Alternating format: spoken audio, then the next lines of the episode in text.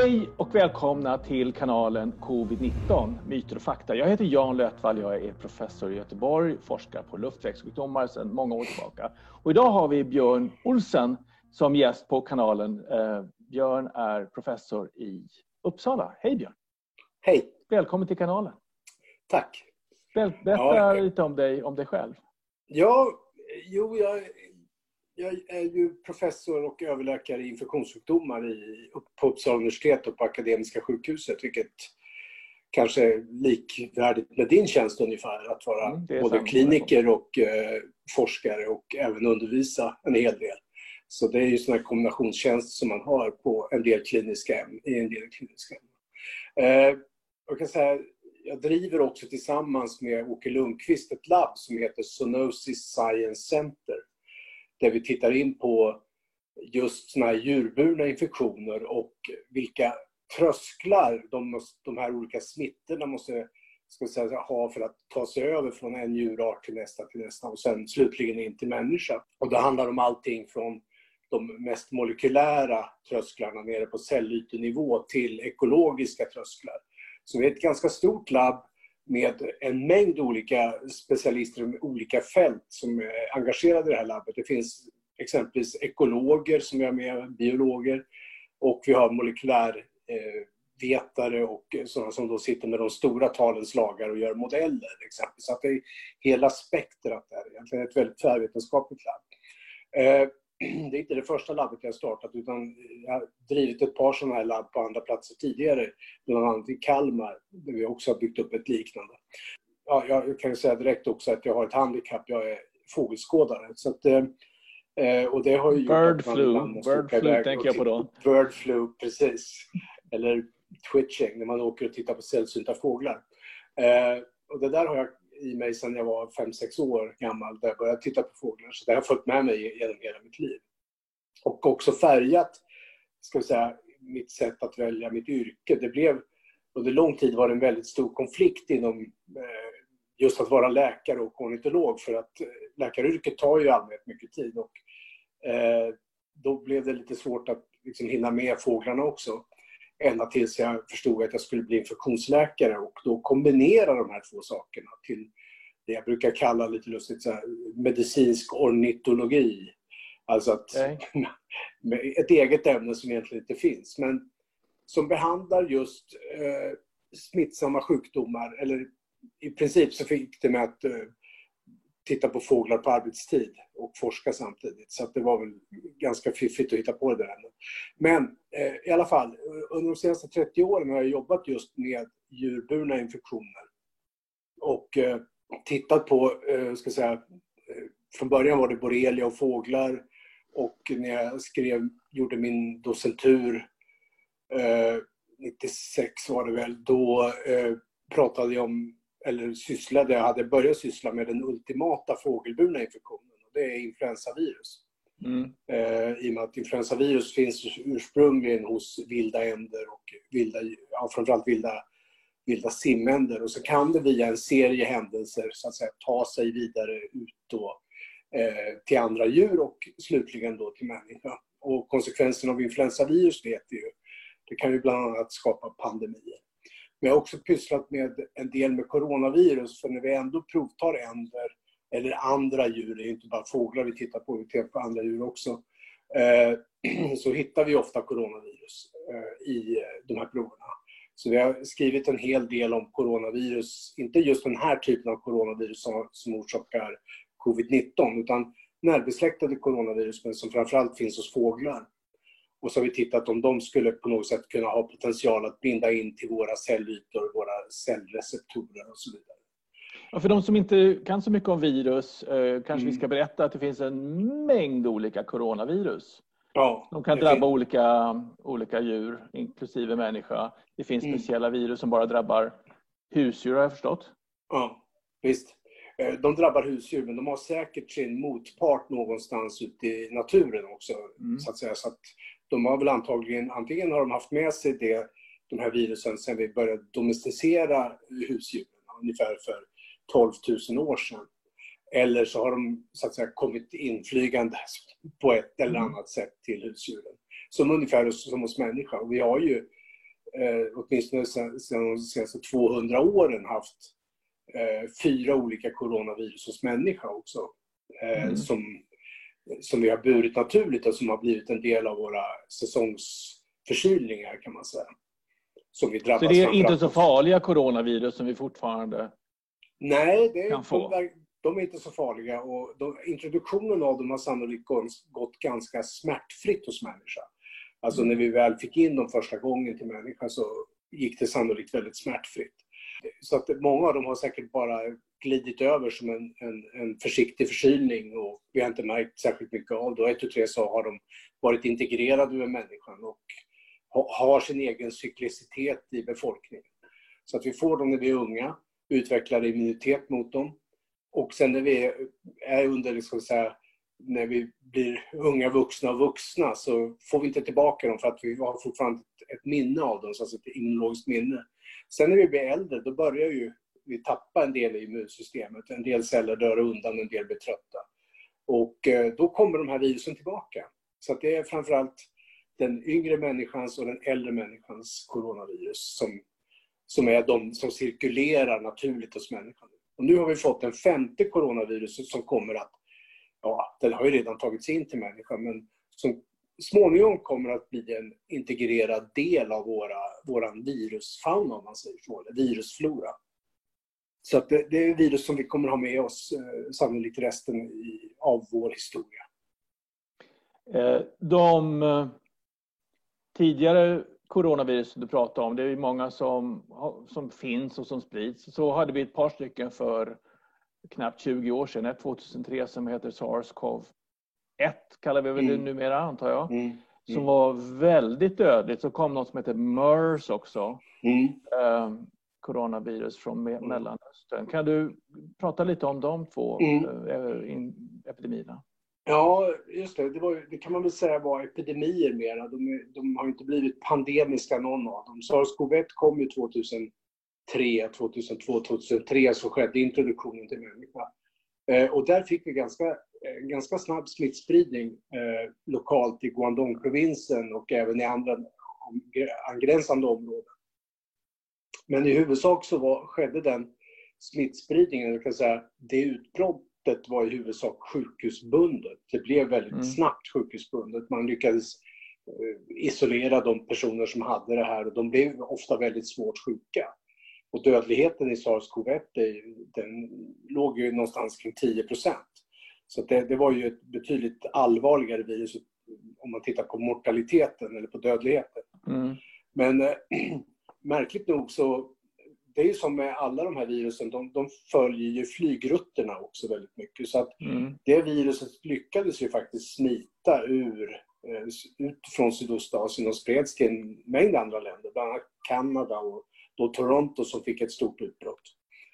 Eh, och det här skrämde ju slag på, på ska säga, samhället ordentligt. Vi vet ju att ekonomin gick, vi hamnade i en recession väldigt snabbt. Mm. Så, så, ekonomin gick ju väldigt snabbt ner. Men sen samtidigt så fanns det eh, en del nyttiga lärdomar att dra av sars. Dels att det var coronavirus kunde komma upp på banan som mm. möjliga... Det var virus, ja. Ja, som epidemiska eller pandemiska virus. Eh, det ena. Och det andra var att man gjorde en hel del utvärderingar efteråt, efter sars, för att titta på hur samhället hade fungerat och vad som hände i samhället. Och eh, det var inte alltid så snyggt, det som hände i samhället. Till och med länder som, eh, jag vet den, den kanadensiska utvärderingen är väldigt väl värd att läsa faktiskt. För att där tog man fram, eh, förutom just de här effekterna på vården, vad det hade för effekter och på samhället också, hur samhället försökte sluta sig, så tog man också fram eh, det här med, med fobin mot andra människor bland annat. Det kom fram väldigt, väldigt mm. snabbt. Mm. Så man fick en xenofobi kan man säga mot eh, exempelvis folk som hade asiatiskt ursprung. Och kanske än värre var att man blev också rädd för eh, vårdpersonal. För man visste att det här var en vårdsmitta på ett sätt. Va? Så eh, det blev liksom, det, de beskrev det som otäcka underströmningar av pandemin. Jag har sett lite av det på vissa platser även i, ja, i dagens då, pandemi dessvärre. Och så kom MERS då, var det 2007, 2008 någonting? Ja, 12. 12 var det så sent? Okej. Okay. Men den var ännu mer dödlig? Ja, den var ännu mer dödlig. Den har en dödlighet upp mot 40-50 procent även med intensivvårdsåtgärder. Mm. Eh, och den är märkligt nog så är ju det viruset, MERS-virus, eh, det är ju spritt framförallt på arabiska halvön. Det är där vi, mm. vi har, fortfarande har det gående i ganska låg fart. Det verkar inte vara särskilt smittsamt utan det behövs en ganska hård exposition eh, för att man ska bli smittad. Och det kommer framförallt ifrån dromedarer. Man ja, okay. har plockat upp det. Dromedaren har alltså blivit mellanvärd för det här viruset. Och det är där viruset har gymnastiserat upp sig så att det sen kan spridas vidare till människan. Men ursprunget till viruset är ju ett, det är ett fladdermusvirus. Mm. Så att, eh, och, men där, där hade vi också en märklig händelse. Nu kommer inte jag exakt ihåg vilket år det var. För det vi fick en snabb spridning av MERS. Det var en affärsman som hade varit på Arabiska halvön och flög tillbaka till Seoul i Sydkorea. Mm. Och de drabbades ju alltså av ett MERS-utbrott där. Där man hade eh, en mängd eh, sjukdomsfall och även många dödsfall. Inte bara inom vården utan även ute i samhället. Och eh, det, det tror jag är ett väldigt, båda de här händelserna, sars och mers, tror jag har gjort att de länder som vi betraktar lite grann som riskländer när det gäller uppkomsten av nya pandemier i Sydostasien, i Sydostasien eh, var väldigt mycket på tårna och väldigt snabbt ute med preventiva mm. åtgärder. Att försöka mota smittan till varje pris. För de vill inte se en sån, ja. ja. för de vill inte se en sån situation nu igen. Egentligen. Så de hade ju varit med om både sars och Sydkorea mm. också, mers. Så att de hade det, det fanns liksom så nära i minnet på något sätt. Eh, Men det, det är man... intressant. En, en fundering jag haft är att om att MERS var så vansinnigt dödligt. Var det så att det var, inte spred sig på grund av att det dödade sin värld för effektivt? Att det, minskade spridningen i sig eller vad var spridningsfaktorn? Ja, reproduktionstalet för MERS? Ja, reproduktionstalet för MERS vet jag faktiskt inte. Den kan inte ha varit särskilt hög, alltså, för då Nej. hade vi haft betydligt många fler fall. Men, men eh, jag tror att det krävde en extrem närkontakt för att man skulle bli smittad av MERS. Mm. Eh, och då var det säkert, oftast då, bland annat i vårdsituation. Eh, men sen så, men det är, det är klart att MERS-viruset kunde spridas från person till person också. Det mm. var inte så att det var en envägssmitta från djur till människa. Nej. Eh, utan det, det, det, hade verkligen kapacitet. Och hade det fått fortsatt att gymnastisera sig så att säga hos människa så hade det möjligt att det dykt upp kloner som hade varit betydligt mera smittbara så att säga tvärs över mm. vertikalt eller horisontellt också. Ja, precis. precis. Mm. Och, och, och eh, SARS-CoV-2 som vi lider av nu, det har inte kommit från de här två tidigare SARS-virusen, utan de har egna utvecklingsbakgrunder. Mm. Det finns ju en mängd olika coronavirus hos fladdermöss. Eh, och det är bland annat en som heter eh, det här viruset tror man har kommit ifrån hästskonäsa. Alltså en fladdermus som har en nos som ser ut som en upp och nervänd hästsko. Eh, och eh, det finns ju eh, forskare som bara sysslar med fladdermusvirologi för att fladdermöss är väldigt intressanta. Eh, de, de eh, verkar kunna bära en mängd olika typer av så att säga, farliga virus utan att överhuvudtaget bli sjuka själva, utan bara naturliga bärare av det. Och då bland annat en mängd olika sars-virus, eller alltså sars-liknande virus. De är ju kända att, för att kunna bära rabiesvirus. Rab, rabies och ebola. Jag menar, mm. men fladdermöss är ju en väldigt stor, divers grupp av djur. Mm. Men de har sitt immunsystem. Alltså det, det, är någonting med fladdermöss där som gör dem, sätter dem i en, i en särställning bland de andra däggdjuren. Mm. Definitivt. Eh, när vi tittar på en sån här eh, epidemi eller som pandemi mm. så är det väldigt viktigt att tänka på hur effektivt viruset sprider sig. Mm. Uh, och, uh, och det beror ju på flera olika faktorer. Det ena beror på hur viruset kan bäras i luften eller om det är en kontaktsmitta och, och sådana saker. Men det beror ju Mm. också på hur hur trångt människor bor, hur Mm. tätbefolkade vi är. Eh, Det beror också på, på hur vi beter oss, Mm. antar jag. Och hur vi hälsar med varandra, hälsar på varandra och så vidare. Så att, Mm. jag, jag har gjort några bilder här så jag tänkte du kunde få, Mm. eh, få, få kommentera. Om vi börjar med, med en population, där är det 100 cirklar. Ja. Eh, Så, så om vi inte har någon immunitet i samhället och det kommer in en smittad så har vi då ett, ett reproduktionstal. Mm. Det är då antalet nya smittade vi får utav en smittad. Mm. Precis. Och då kan man ju ta en del sjukdomar som nästan inte har reproduktionstal överhuvudtaget. Sådana smittor som exempelvis, många tänker att man kan räkna, använda reproduktionstal på en mängd olika infektioner. Det kan man inte. Ja. Eh, Om vi tar en sån sjukdom som TBE eller vi tar en sjukdom som borrelia som är fästingburen, där det är en envägskommunikation, då har du inga reproduktionstal. För att de fallen ger ju inte upphov till en sekundärsmitta, utan då är det en väg in. Samma sak med rabies, det är också en sån som har ett extremt lågt reproduktionstal, om än något.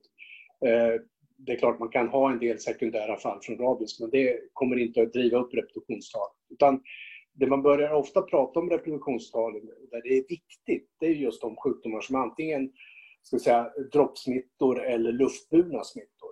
Mm. Och eh, då, då finns det ett par som sticker ut ganska ordentligt. Vi har ju bland annat eh, mässling eh, som har ett reproduktionstal på upp mot 15, 17, 18.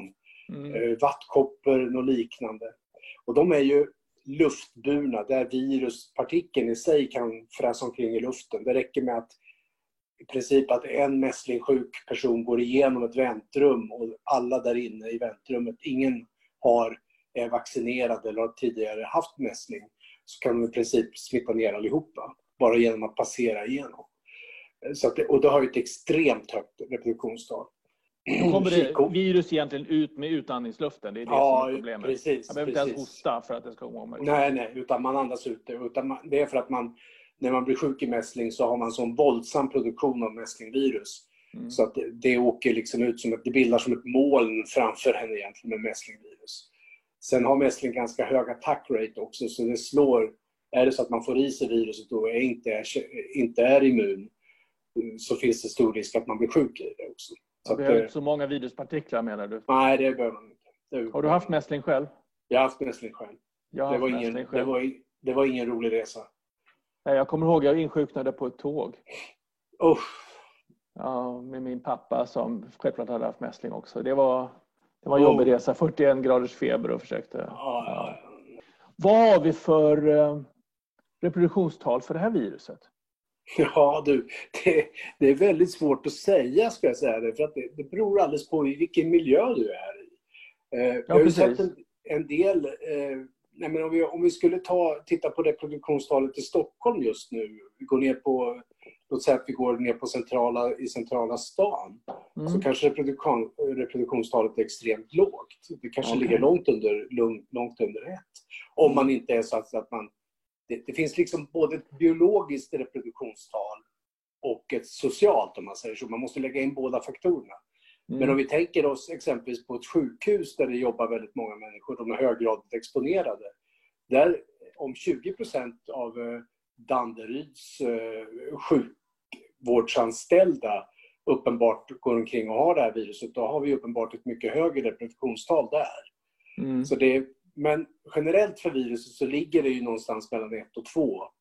Mm. Det är väl ungefär där man hamnar. En del skruvade upp där och sa att det låg på 2,5. Och det kan det säkert ha gjort i början Ja. inom ett begränsat område där man hade väldigt mycket närkontakt med varandra och man började räkna på hur många personer har den här individen smittat då. Så räknar man från början och ser man oj, den här individen har smittat Mm. eh, tre stycken.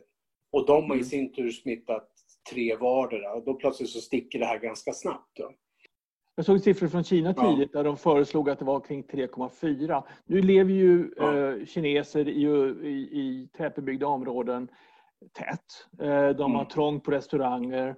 De, det är väldigt trångt på tunnelbanor.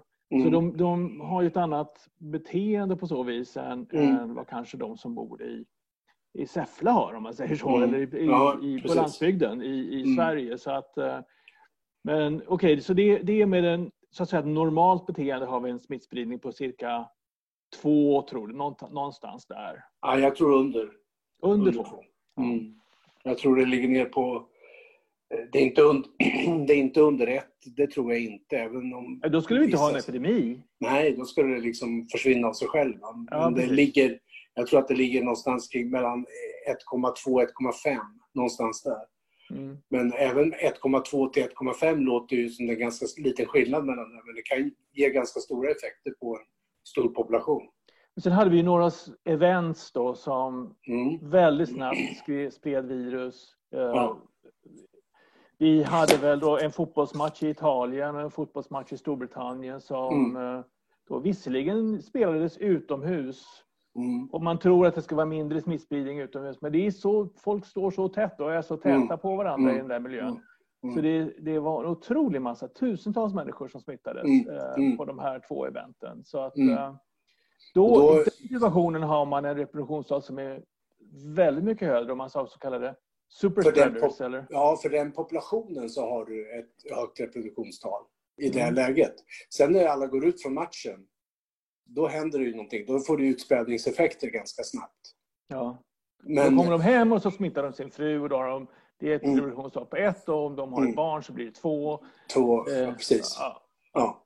Och sen är cirkusen igång. Mm. så är cirkusen igång här precis. Så Mm. det är det som ledde till den stora spridningen i Storbritannien, äh, i Mm. Storbritannien eh, Italien, Och Italien. Spanien, Frankrike och så vidare. Ja, ja, ja. Och ja. Vi hade final på Erosionsschlagerfestivalen, eh, svenska Mm. finalen. Mm. Hur ser du på den? Ja. ja, vad ska jag säga om den? Det var under pågående...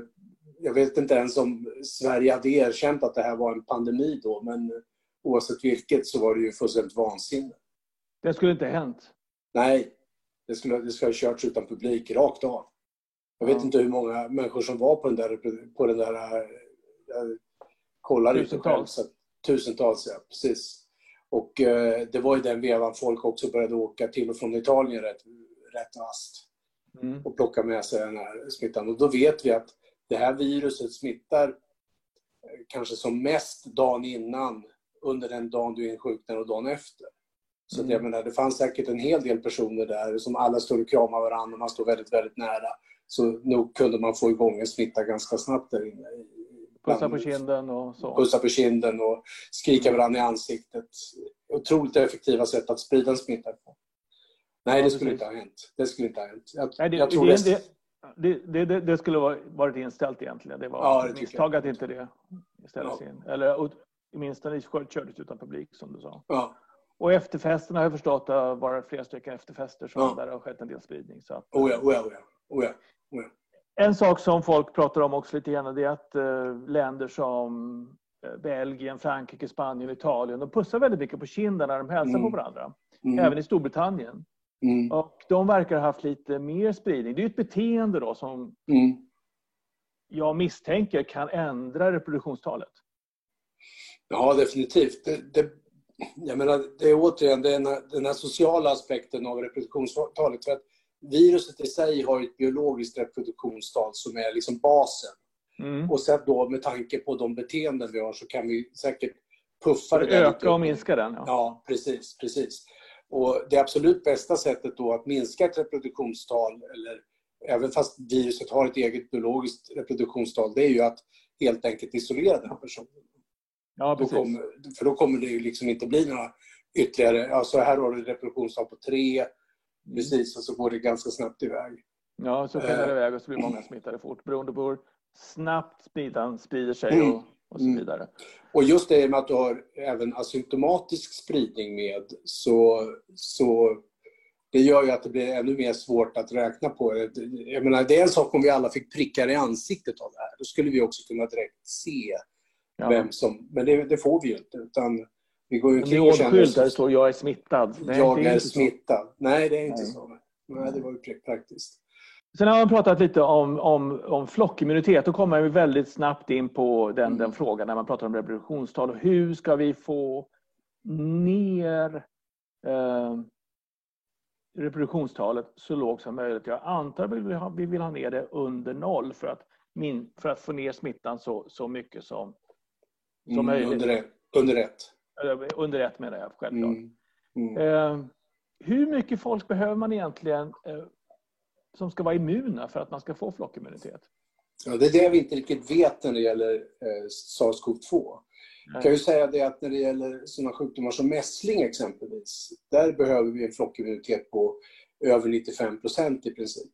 Där måste vi alltså, 95 procent av befolkningen eh, måste antingen vara vaccinerad eller ha haft mässling för att du inte ska få något nytt mässlingutbrott. Ny epidemi. Då, då blir ny epidemi.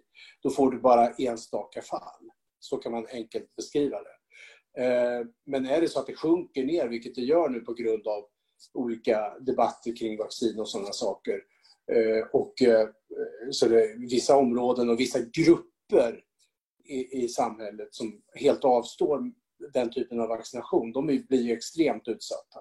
Så mm. är det så att man, någon har då varit utomlands, plockat med sig mässlingviruset, introducerar det i en sån befolkning, då går det blixtsnabbt. Då är det många, väldigt många som blir sjuka. Eh, så där behöver du en väldigt hög flockimmunitet generellt för att hålla tillbaka smittan. det är hela tiden en vågskål mellan eh, virusets så att säga, förmåga att smitta vidare och mm. vårt immunsystem. Då. Vårat, där varje individs immunsystem tillsammans bygger upp det som kallas för flockimmuniteten.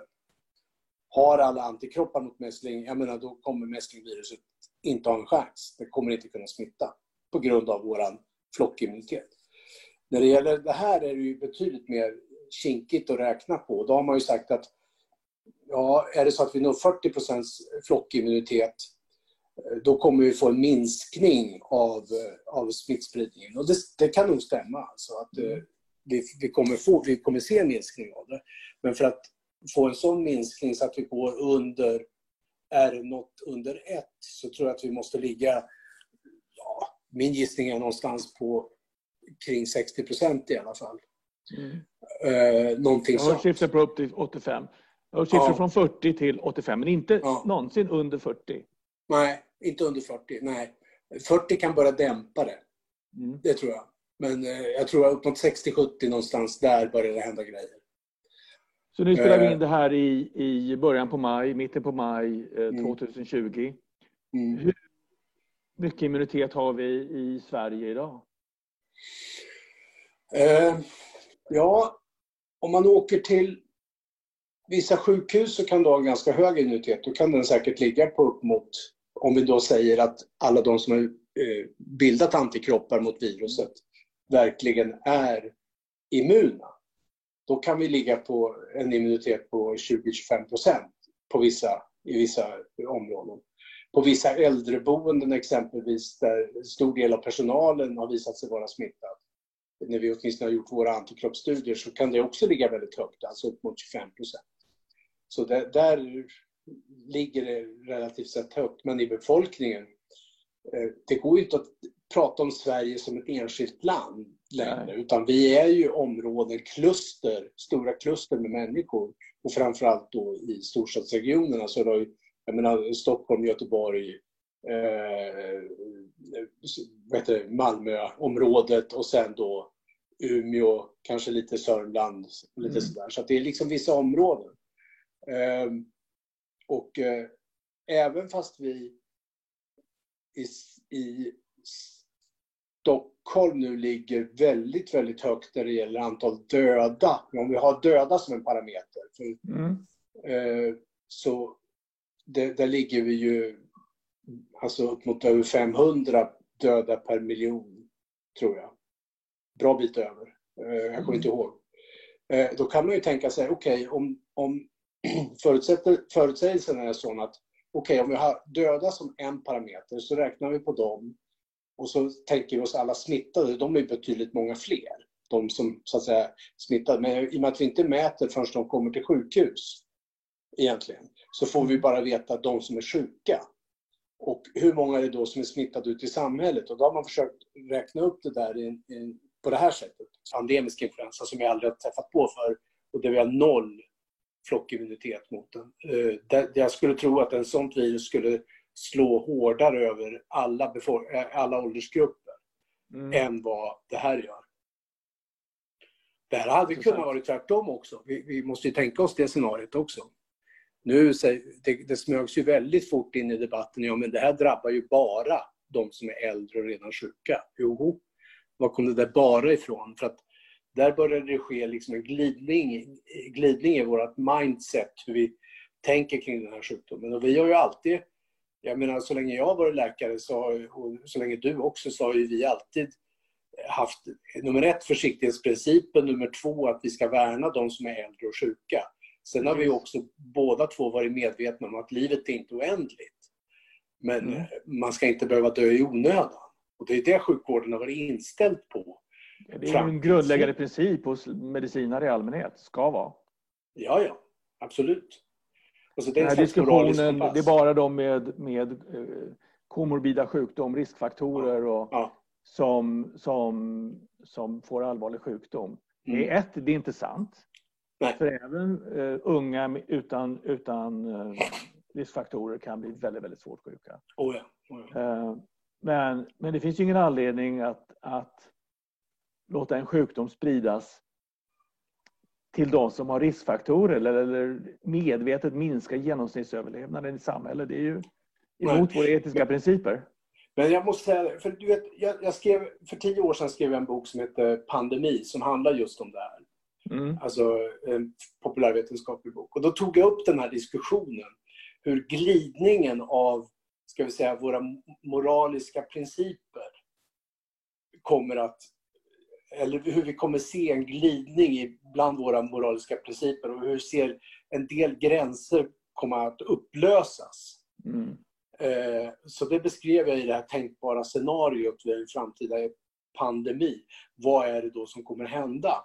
Och där var det just den här att, eh, du vet, du, du lite grann som det här vi var inne på, xenofobi tidigare. Man, man mm. pekar finger åt en grupp och säger, ja men precis som du säger, komorbida sjukdomar. Alltså, och vad lägger man i ordet komorbida sjukdomar?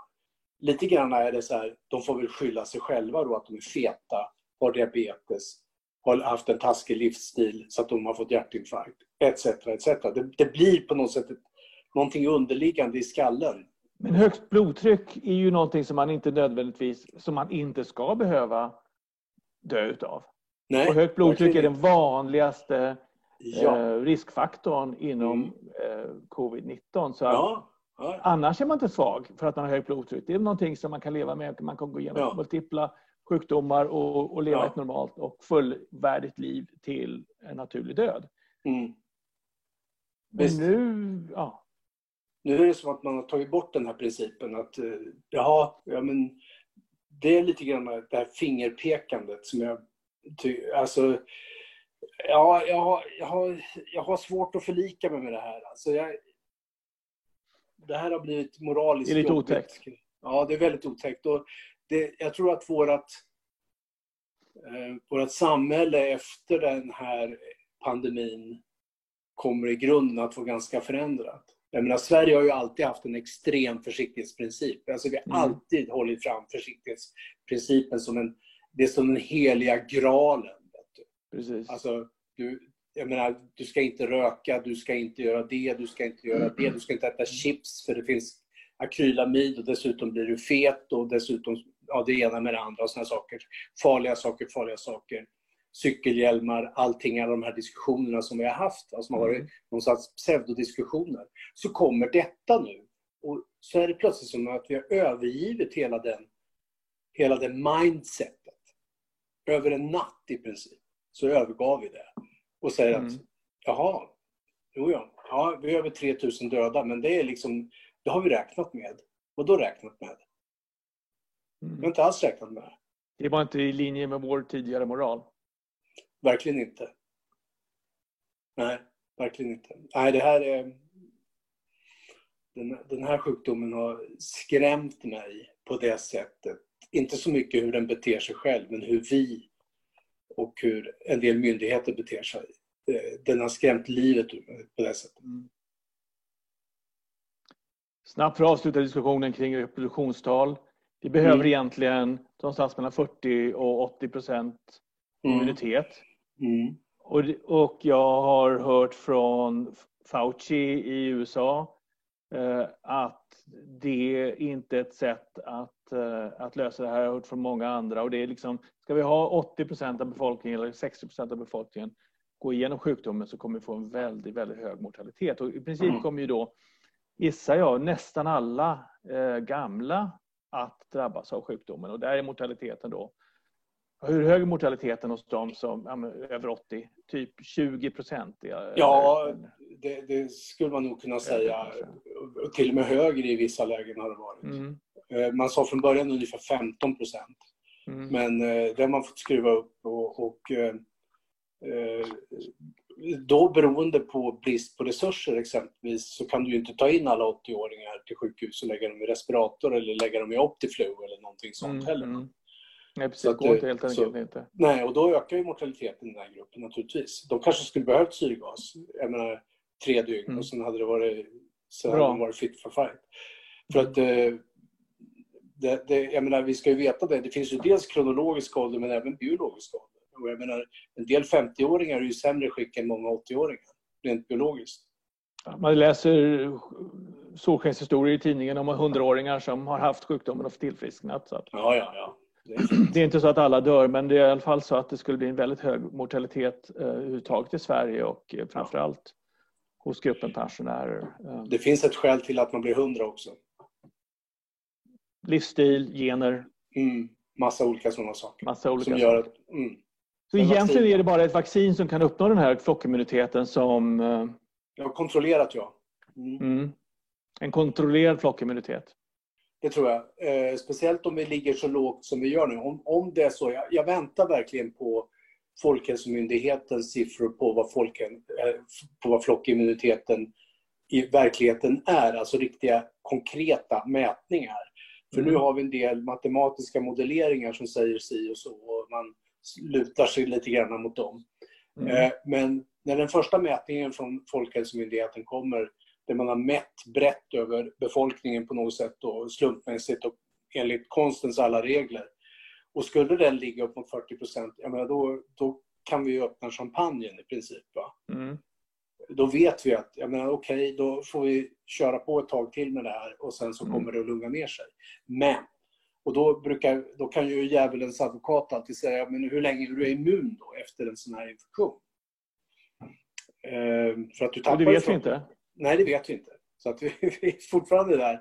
Och det är därför jag tror att vaccin kommer ja. att vara absolut oundvikligt på sikt mot det här. Mm. Um, det, det kanske att man upprepar vaccineringen vartannat år. Precis, precis. Någonting sånt. Att det är ungefär som när vi vaccinerar mot pneumokockinfektioner eller vi vaccinerar stelkramp. mot influensa, stelkramp.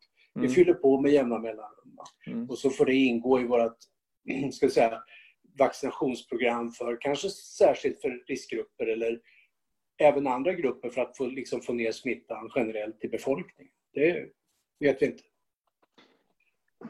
Om vi, eh, alltså det här var otroligt intressant eh, att diskutera det här med reproduktionstal och, och vad vi har framför oss och hur vi ska kunna tackla eh, reproduktionstalet, för det är det det handlar om egentligen. Få ner mm smittspridningen i samhället. Det, det, handlar mycket om beteende och inte umgås för mycket eller skrika varandra i ansiktet som du sa. Mm.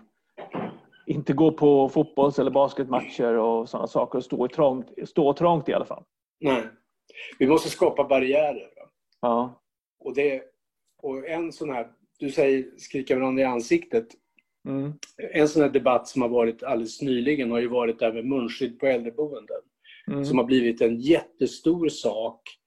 Jag tror Sverige är det enda land som har det som en stor sak. De andra länderna har ju liksom bara accepterat det, punkt slut. Mm. Mm. Och där vet vi att munskydd skyddar inte dig som bär munskyddet från att plocka upp smittan. Det kan mycket väl hända att du plockar upp smittan ändå. Inte hundraprocentigt skydd i alla fall. Inte hundraprocentigt skydd. Men det, framförallt så ser det till, reducerar risken att du smittar någon annan. dramatiskt. Och det Mm. kom ett väldigt bra pek i Nature om det här alldeles nyligen.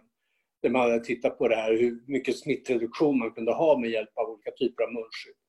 Men även vanliga munskydd, alltså kirurgiska munskydd, reducerade smittan rejält. Jag kommer inte ihåg om det var, jag kommer inte ihåg hur många procent det var, men det var, det var i alla fall slutsatsen av artikeln var att munskydd var bra. Va? Mm. Och just på det du säger, det jag vill återkomma till, det här med skrika varandra i ansiktet. Många som är på äldreboenden har ju hörselnedsättningar, de har hörapparater.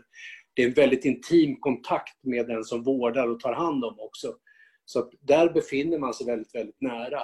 Om man då under en begränsad tid, 2020, måste bära munskydd på äldreboenden, personalen alltså, så, så, ser jag, så kan inte jag se att det är en stor sak. Liksom, gör det bara. Gör det bara. Det enda argumentet emot som jag har eh, hört som jag kan ha viss respekt för det är att de dementa kanske blir skrämda om folk kommer med munskydd. Det är det Ja, enda okej. argument jag har hört. Mm, Det ett argument jag har hört också. Plus Eh, att det finns ett argument till. Och att munskydden ger dig falsk säkerhet och att du är alltid uppe och fingrar på ditt munskydd. mm, Nej, man är inte alltid uppe och fingrar på sitt munskydd. Och speciellt inte, eller att man inte tar av sig på, sätter på sig det på rätt sätt. Men det behövs en minuts utbildning för hur Mm. man sätter på sig och tar av sig ett munskydd. Det är ingen rocket science. och där- Om man tar sig på sig hela tiden så kanske det inte är så effektivt utan det får sitta Ja, man ska byta det mellan varje patient mellan varje patient. Ja, eller mellan varje individ du går till så att säga. Så då går man ut, då gör man de basala hygienrutinerna. Man tar av sig munskyddet, tvättar händerna igen. Så går man till nästa. Sätter på, tvättar händerna, sätter på sig, ja, vilken ordning. Och sen, eh, så man byter hela tiden. Och då, då säger jag, men vi har ju brist på munskydd. Ja, men hur sjutton kunde det bli så att vi har en brist på munskydd? Det blottlägger ju en annan flaskhals, att vi, inte har, vi har överhuvudtaget inte förberett oss på det. Jag läste någonstans att man eldade upp brandskydd. Ja, ja, eller det- munskydd. Ja, Som Ja, det- låg och drällde i, i lager och bara kostade pengar. Lagerkostnader. ja, precis. Hur ser du på munskydd i samhället i allmänhet? Tittar vi på Japan, Sydkorea, Kina. Så har, Du kommer inte in på tunnelbanan. Nej. Eller på affären. Vissa, Mm. vissa stater i USA. Du kommer inte in. Eh, och på butiken om du inte har ett munskydd på dig. Hur, hur ser du på det? Och hur kan det hjälpa? Ja, det är återigen det här med att du inte ska sprida smittan till någon annan. Det är Mm. det som Det är det är, viktigast. som är viktigast. Mm. Och det ger också en väldigt, väldigt tydlig signal om håll, håll avstånd till mig. Mm. Och jag menar kulturellt så har man ju i Sydostasien använt munskydd i många herrans år. Mm. Eh, och eh, det har inte varit något konstigt. Ja, Utan precis. det har varit en signal att jag är förkyld, så håll lite avstånd på mig, till mig, även på tunnelbanan så att säga. Så det blir en liten zon runt omkring.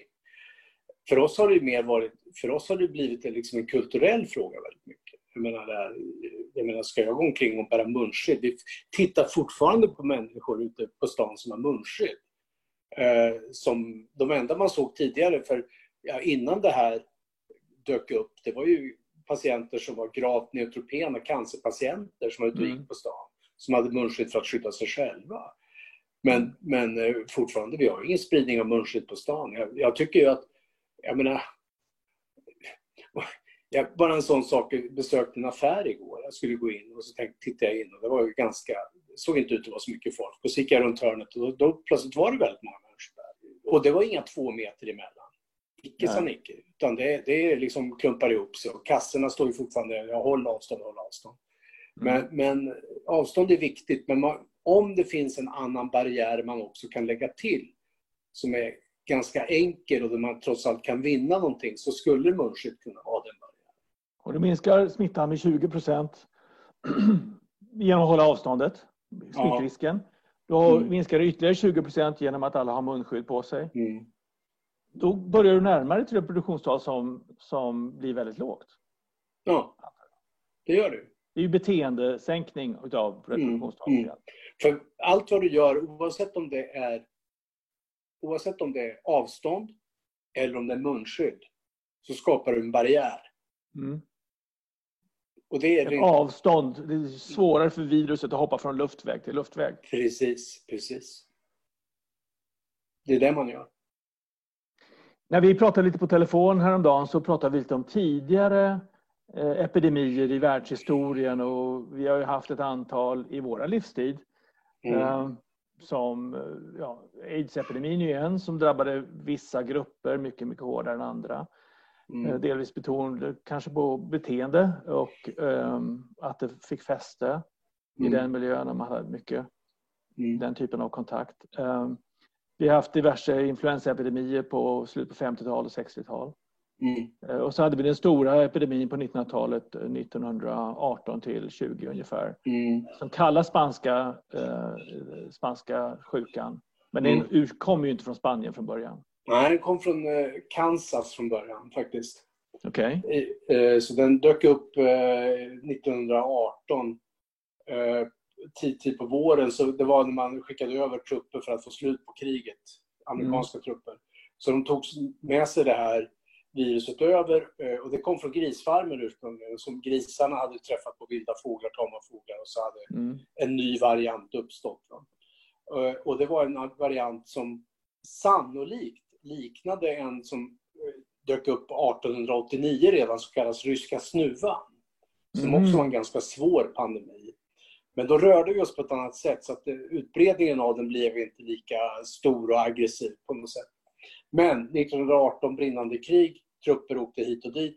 Vi fick över smittan från USA in till Frankrike, spreds i Frankrike, spreds Tyskland, England och så småningom tog det sig ner till Spanien. Och under den första vågen där under 1918, eh, ska säga våren, sommaren 1918, så var det en mild sjuka. Det var inte särskilt allvarligt. Sen i slutet på sommaren, början på hösten 1918, då började kriget ta slut. Man förstod vilka som skulle vinna, så att säga. Så man repatrierade trupperna. De fick åka tillbaka.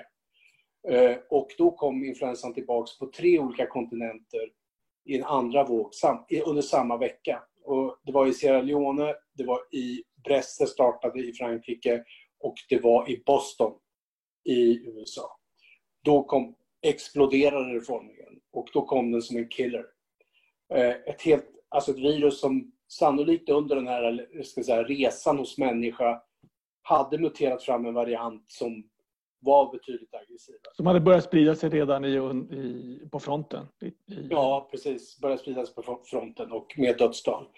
Eh, när, när dammet väl la sig, ja sen spreds det under en, en, andra våg under hela hösten 1918. På 90, sen lugnade det ner sig temporärt, så kom det tillbaks vintern 1919, våren 1919. Och sen så ebbar ut i en sista våg 1920, så det höll på i två år. Mm. Och 1920 drabbades framförallt de områden som inte tidigare var drabbade. Ja, det. Och det var Oceanien, det var delar av Kanada, Alaska, Grönland, en del, vissa delar av, inre delar av Sverige också som hade klarat sig undan 1918-1919. Eh, och fortfarande aggressivt virus. Vissa byar utplånades totalt av det här viruset. Alla dog.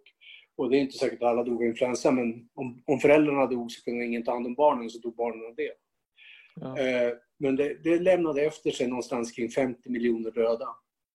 Och då var vi på en befolkning som var 1,8 miljarder på jorden. Mm. Bara i Sverige dog 37 000 människor av spanska sjukan. Och vi var en befolkning, av, ja. och vi var en befolkning på 1,8 miljoner då, mm. 1918. Eh, och det viruset, och jag menar... H1N1. H1N1, ja precis. Du kan tänka dig som att du bygger ett bilchassi. Det är själva grundstrukturen för viruset, mm. H1N1. Kommer in där. På, och sen åker den här bilen vid, Först orsakar den en pandemi. Sen går det ner i, alltså på grund av flockimmuniteten som blir rätt hög, så mm. kommer ju viruset inte ha någon större eh, liksom, expansionsförmåga. Och då får du ett lågt reproduktionstal. Ja, ett mycket lågt reproduktionstal. Så att till slut så får du det som en säsongsinfluensa och sen så försvinner det nästan helt. Det ligger och brusar i bakgrunden. Sen hände någonting 1967-68. Då fick det viruschassit på den bilen lite mer lyktor och ytterligare någon struktur och kanske någon vimpel på taket om man säger så. Plötsligt så kände inte vi igen det och då var det dags för eh, nästa epidemi, alltså 57 57 då, då var jag asiaten. Mm. Och då dog 4 miljoner människor. Men chassit i sig var spanska sjukan-viruset, men det hade kommit till nya gener. Vissa gener hade bytts ut och då heter det plötsligt H2N2, det viruset.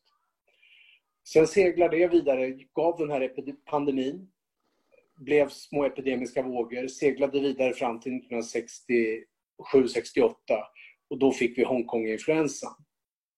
Och Hongkonginfluensan är också i grunden då spanska sjuka-viruset, men med lite utbytta gener. Och då blev det plötsligt, då kallades det H3N2. Hongkong-influensa höll på 68 till 69. Dödstalen någonstans mellan 1 och 4 miljoner människor på jorden. Man pratade inte särskilt mycket om det här utan då gick ju myndigheterna, läkarna ut och sa att ja, men det är bara att vara hemma och vara still och ligga still i mm. sängen och håll det lugnt. Liksom. Eh, och sen har vi sedan dess, eh, det virus då som introducerades 1968 blev ju en del av våra säsongsinfluensor som har liksom pendlat fram och tillbaka och eh, varit vissa år lite svårare, vissa år mildare och så vidare. Och som vi också har kunnat vaccinera mot mm. efter ett tag. Sen dyker det upp en ny variant av det här viruset och det är då återigen en H1N1. Mm. Så det är alltså den gamla... 09? 09 ja, i Mexico City. Så det händer mm. inte ens i, det händer inte i Sydostasien. Vi brukar alltid peka finger mot Sydostasien och säga att det är där det händer. Då kom, dyker det upp alltså ett influensavirus fel tid på året, fel åldersgrupp och mortalitet. Det var de tre komponenterna. Mm. Och det här dök upp i mars i Mexico City. Redan där borde man ha dragit i pandemisnöret. För att allting var så fel. Det mm. gick helt utanför säsong. Det var fel typ av virus. Det hade eh, hyfsat hög mortalitet i vissa grupper. Och mm. framförallt att det drabbade yngre människor. Mm. För det var samma sak med H1N1 eh, 18, 19, 20. Att det var mm. väldigt många unga som dog. De flesta mm. som dog var i 20-40-årsåldern. Precis, och de hade antagligen inte sett det här viruset 1879. Eh, nej, nej 1889. 89 var det, okej. Okay. Så de, nej, precis. Så det vi alltid har haft då hela tiden är någon slags antingen total eller partiell hörd immunitet eller flockimmunitet mot de här virusen som har seglat under 1900-talet. Mm. Det är därför vi har fått, okej okay, när det byter ut en del en mm. komponent av viruset så får vi en ny pandemisk situation. Men det, det, får inte så stora efterverkningar. Det blir inte så allvarligt för att det finns ändå en, ett, så att säga, ett, partiellt, ja, ett partiellt minne i alla fall mot det här viruset. Eh, och det var ju också det som hände 2009 då när vi fick in svininfluensan.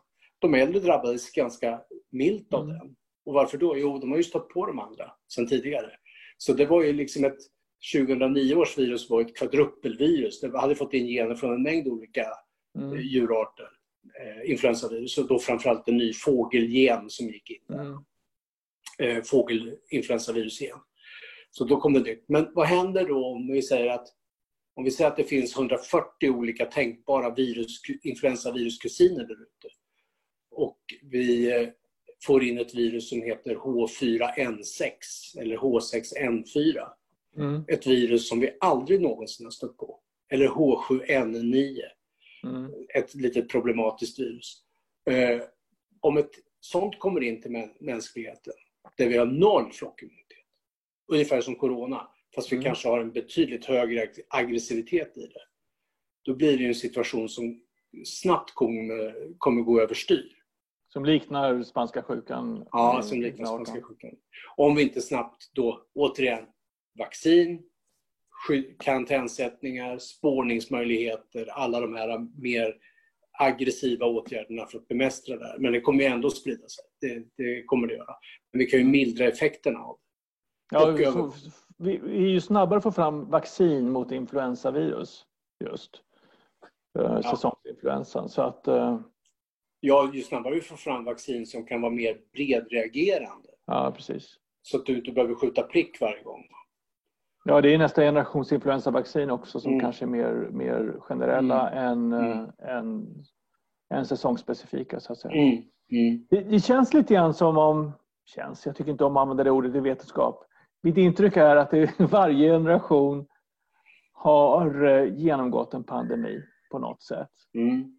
Om vi tittar tillbaka i historien så har vi väldigt, väldigt kraftfulla pandemier. Vi har digerdöden Mm. eh, som ju eh, där otroligt stor procentandel av befolkningen försvann. En tredjedel av Europas befolkning försvann.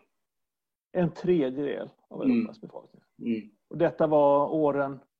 Ja, 1340, på 1340-talet. Det höll ju på i flera vågor Ja, under 1300-talet. Eh, nej, det var groteskt. Och då var det ju då var det en bakterie, det var ju Chinia pestis. mm, Så det var ju alltså inte alls ett virus. Utan, men det som, det som hände med dikerdöden och som gjorde det riktigt otäckt, det var att från början så spred det sig från, ska säga, från råtta till loppa till människa. mm, Alltså råtta, loppa, människa. Då har du en vektorsmitta. mm, Alltså någon som tar med sig smittan emellan. Men en del av de som blev sjuka då fick ju böldpest bland annat. Och de, eh, många av dem kunde överleva om man lyckades, lyckades tömma bölden och man fick ner bakteriebördan. Hudsjukdom helt enkelt. ja, lymfkörtlarna framförallt ställde upp. Mm. Och eh, de supererade, de blev alltså ska säga, nästan som flytande. Så eh, när de där sprack så var det ofta ett ganska bra tecken tyckte många. Så för att Mm. bölden sprack. va. Men problemet var att den bakterien, även där hände någonting. Så att ett tu tre så lyckades den orsaka, ska vi säga, en mera utbredd sjukdom i, hos människor. Alltså det blev, gick från den här vektorburna smittan till att bli en luftburen smitta. Eller en, en droppsmitta. Eh, så att man fick lungpest exempelvis. Mm. Hostade på sin nästa. Och då blev spridningsvägen så otroligt mycket mer effektiv. Mm. Droppsmitta. Ja, droppsmitta. Eh, jag tror inte en bakterie skulle inte kunna hålla sig flytande i luften så länge. Utan det var nog den här närkontakten när man hostade. Mm. Man fick ju våldsamma hostar. Så då, då gick det över till lungpest. Och då var dödligheten i princip 100% i lungpest. Och också spridningen så otroligt mycket mer effektiv än vid när du hade den här råtta, loppa, människa smittvägen. Mm. Utan när vi började smitta Ja. Precis. Och när vi började då smitta varandra istället så, så fick det sin egen, sitt eget narrativ kan man säga. Ja, så uppenbarligen kommer mänskligheten uppleva nya pandemier igen och igen och igen. Och just nu är vi i mitten på covid-19-epidemin, pandemin. Mm. Eh, många miljoner dö, eh, som, som, har, eh, som har insjuknat och fler Mm. kommer det bli. Mm. Eh, utvecklingsländer börjar få mer och mer sjukdom. Så att eh, det här är ingenting som vi kommer ur på en vecka eller två. Nej, nej. Hur ser nej, du alltså, framtiden? Hur ser du den närmsta framtiden, närmsta åren? ja, närmsta åren, är, jag tror att det kommer lugna ner sig under hösten. Mm. Eh, vi, vi kommer att, eh, det kommer gå ner under hösten. På, på ett eller annat sätt så måste det det. För vi, jag menar, om vi tittar ur ett svenskt perspektiv så... Det, det, jag tror att då, då, man måste, om det fortsätter den här utvecklingen det gör nu, Mm. att vi fortsatt har väldigt höga dödstal och att det börjar kanske flytta runt i landet och drabba andra regioner hårdare så, så måste man ju sätta in andra åtgärder på något sätt. Alltså det tror Mm. jag. Eh, jag. Jag tror det är väldigt svårt ändå för myndigheterna att göra det på grund av att man är, har, liksom, har grävt ner sig i sitt eget dike. Man kör den här Mm. principen nu. Eh, jag tror det kommer lugna ner sig under hösten. Vi kommer komma in i mer en corona-mood Mm. så att säga. Och då har vi också lärt oss mycket mer om hur viruset smittar och mellan vilka grupper. Så att jag tror att vi kommer att mycket tydligare kunna se kluster där vi har corona och kluster där vi inte har det, eller stora grupper av befolkningen där vi inte har det. Och då gäller det liksom att försöka hålla de här två isär på något sätt.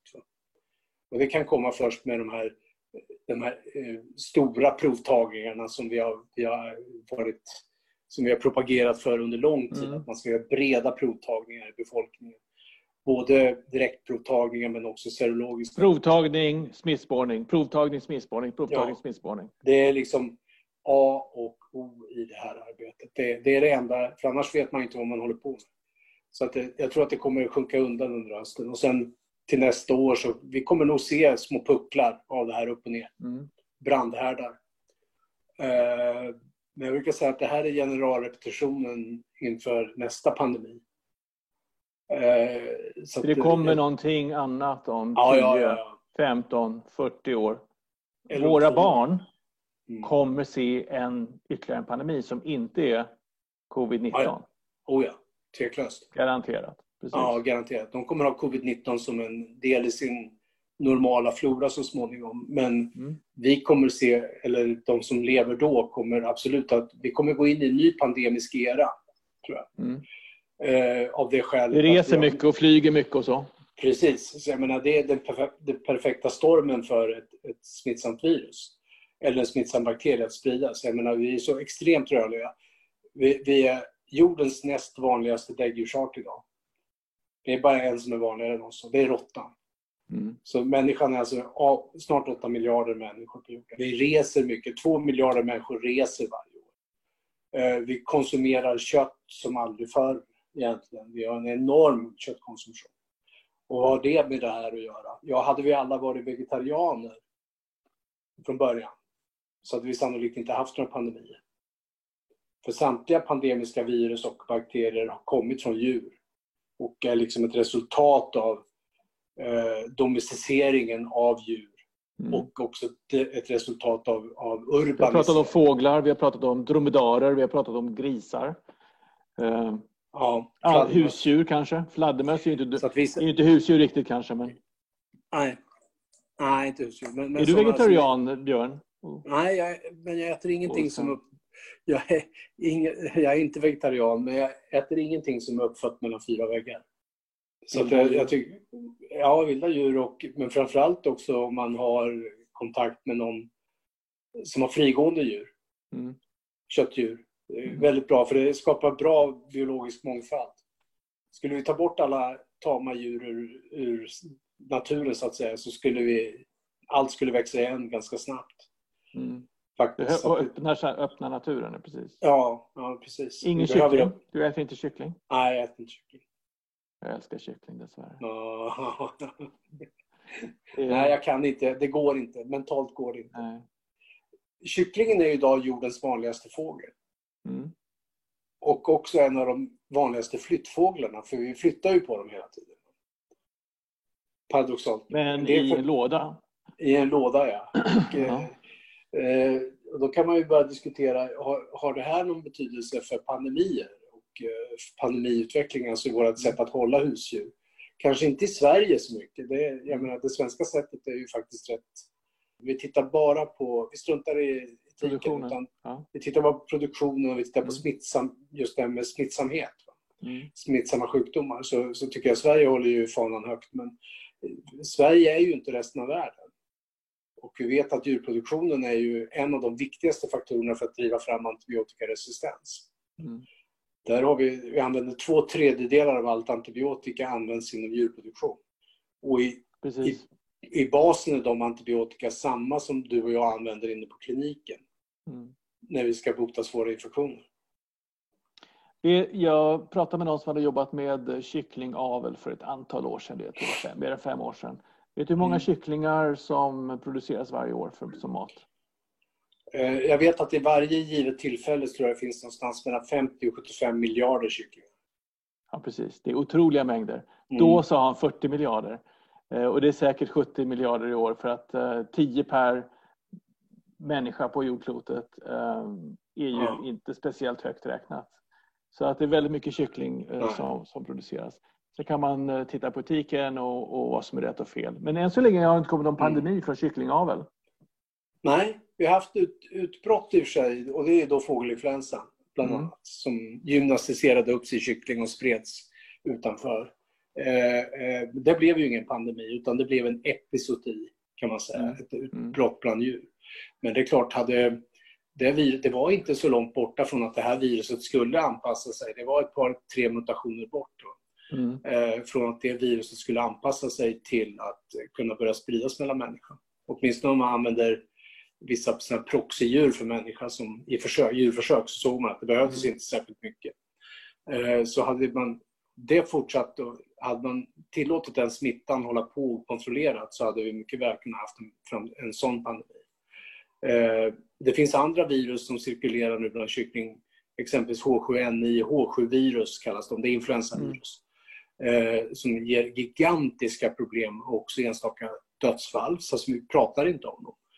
Eh, bland annat Egypten, vi har haft med Kina och mm. flera andra håll. Va? Så det här är en, en absolut konsekvens av vårt sätt att hålla djur. Och i det här speciella fallet med covid-19 så jag menar, då är det ju det här med djurmarknaden mm. som var väsentligt. Men om, sen finns det ju någonting utanför djurmarknaden. Vi producerar enorma mängder protein, animaliskt protein. Nu väcker du lite grann en björn som sover lite grann och det är jag som är björnen i det här fallet.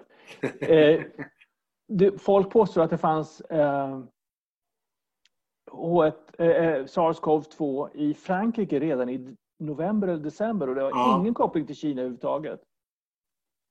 Tror du på det? Nej. Jag tror, inte att det, jag, tror att, jag tror att de mycket väl kan ha haft ett SARS-CoV-2-fall, absolut. Mm. Men det måste ha haft koppling till någon som har varit i Kina. Ja, det fallet som nämndes, kanske till och med var november, eh, då hade mm. hustrun jobbat nära Charles de Gaulle-flygplatsen och möjligtvis kunde blivit utsatt på något mm. sätt i mm. ett enstaka fall. Det kan, det, det, den enklaste lösningen är oftast den rätta. Tror jag. Så, framtiden är, är i alla fall att uh, vara beredd på framtida pandemier. Mm.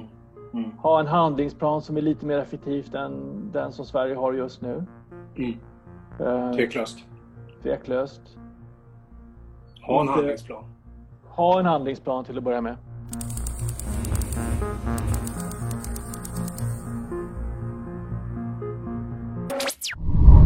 Så, nu ska vi se. Så, nu. Bra. Eh, hej och välkomna till Covid-19, myter och fakta. Jag heter Jan Lötvall, jag är professor i Göteborg, jobbat med luftvägssjukdomar sedan 80-talet. Och idag har jag en dialog med Björn Olsén som är professor i Uppsala. Välkommen till kanalen Björn. Tack. Kan du berätta lite grann om dig själv? Ja, jag heter ju inte Olsén, jag heter Olsen. Olsen! Ska vi börja om? Vi börjar om. Ja. Jag vet att du heter Olsen, vi börjar om. Hej och välkomna till kanalen Covid-19, myter och fakta. Jag heter Jan Lötvall, jag är professor i Göteborg, jobbar med luftvägssjukdomar sedan många år vetenskapligt. Och idag har vi Björn Olsen som gäst på kanalen. Björn Olsson är professor i Uppsala. Hej Björn, välkommen! Tack! Berätta lite om dig, om dig själv.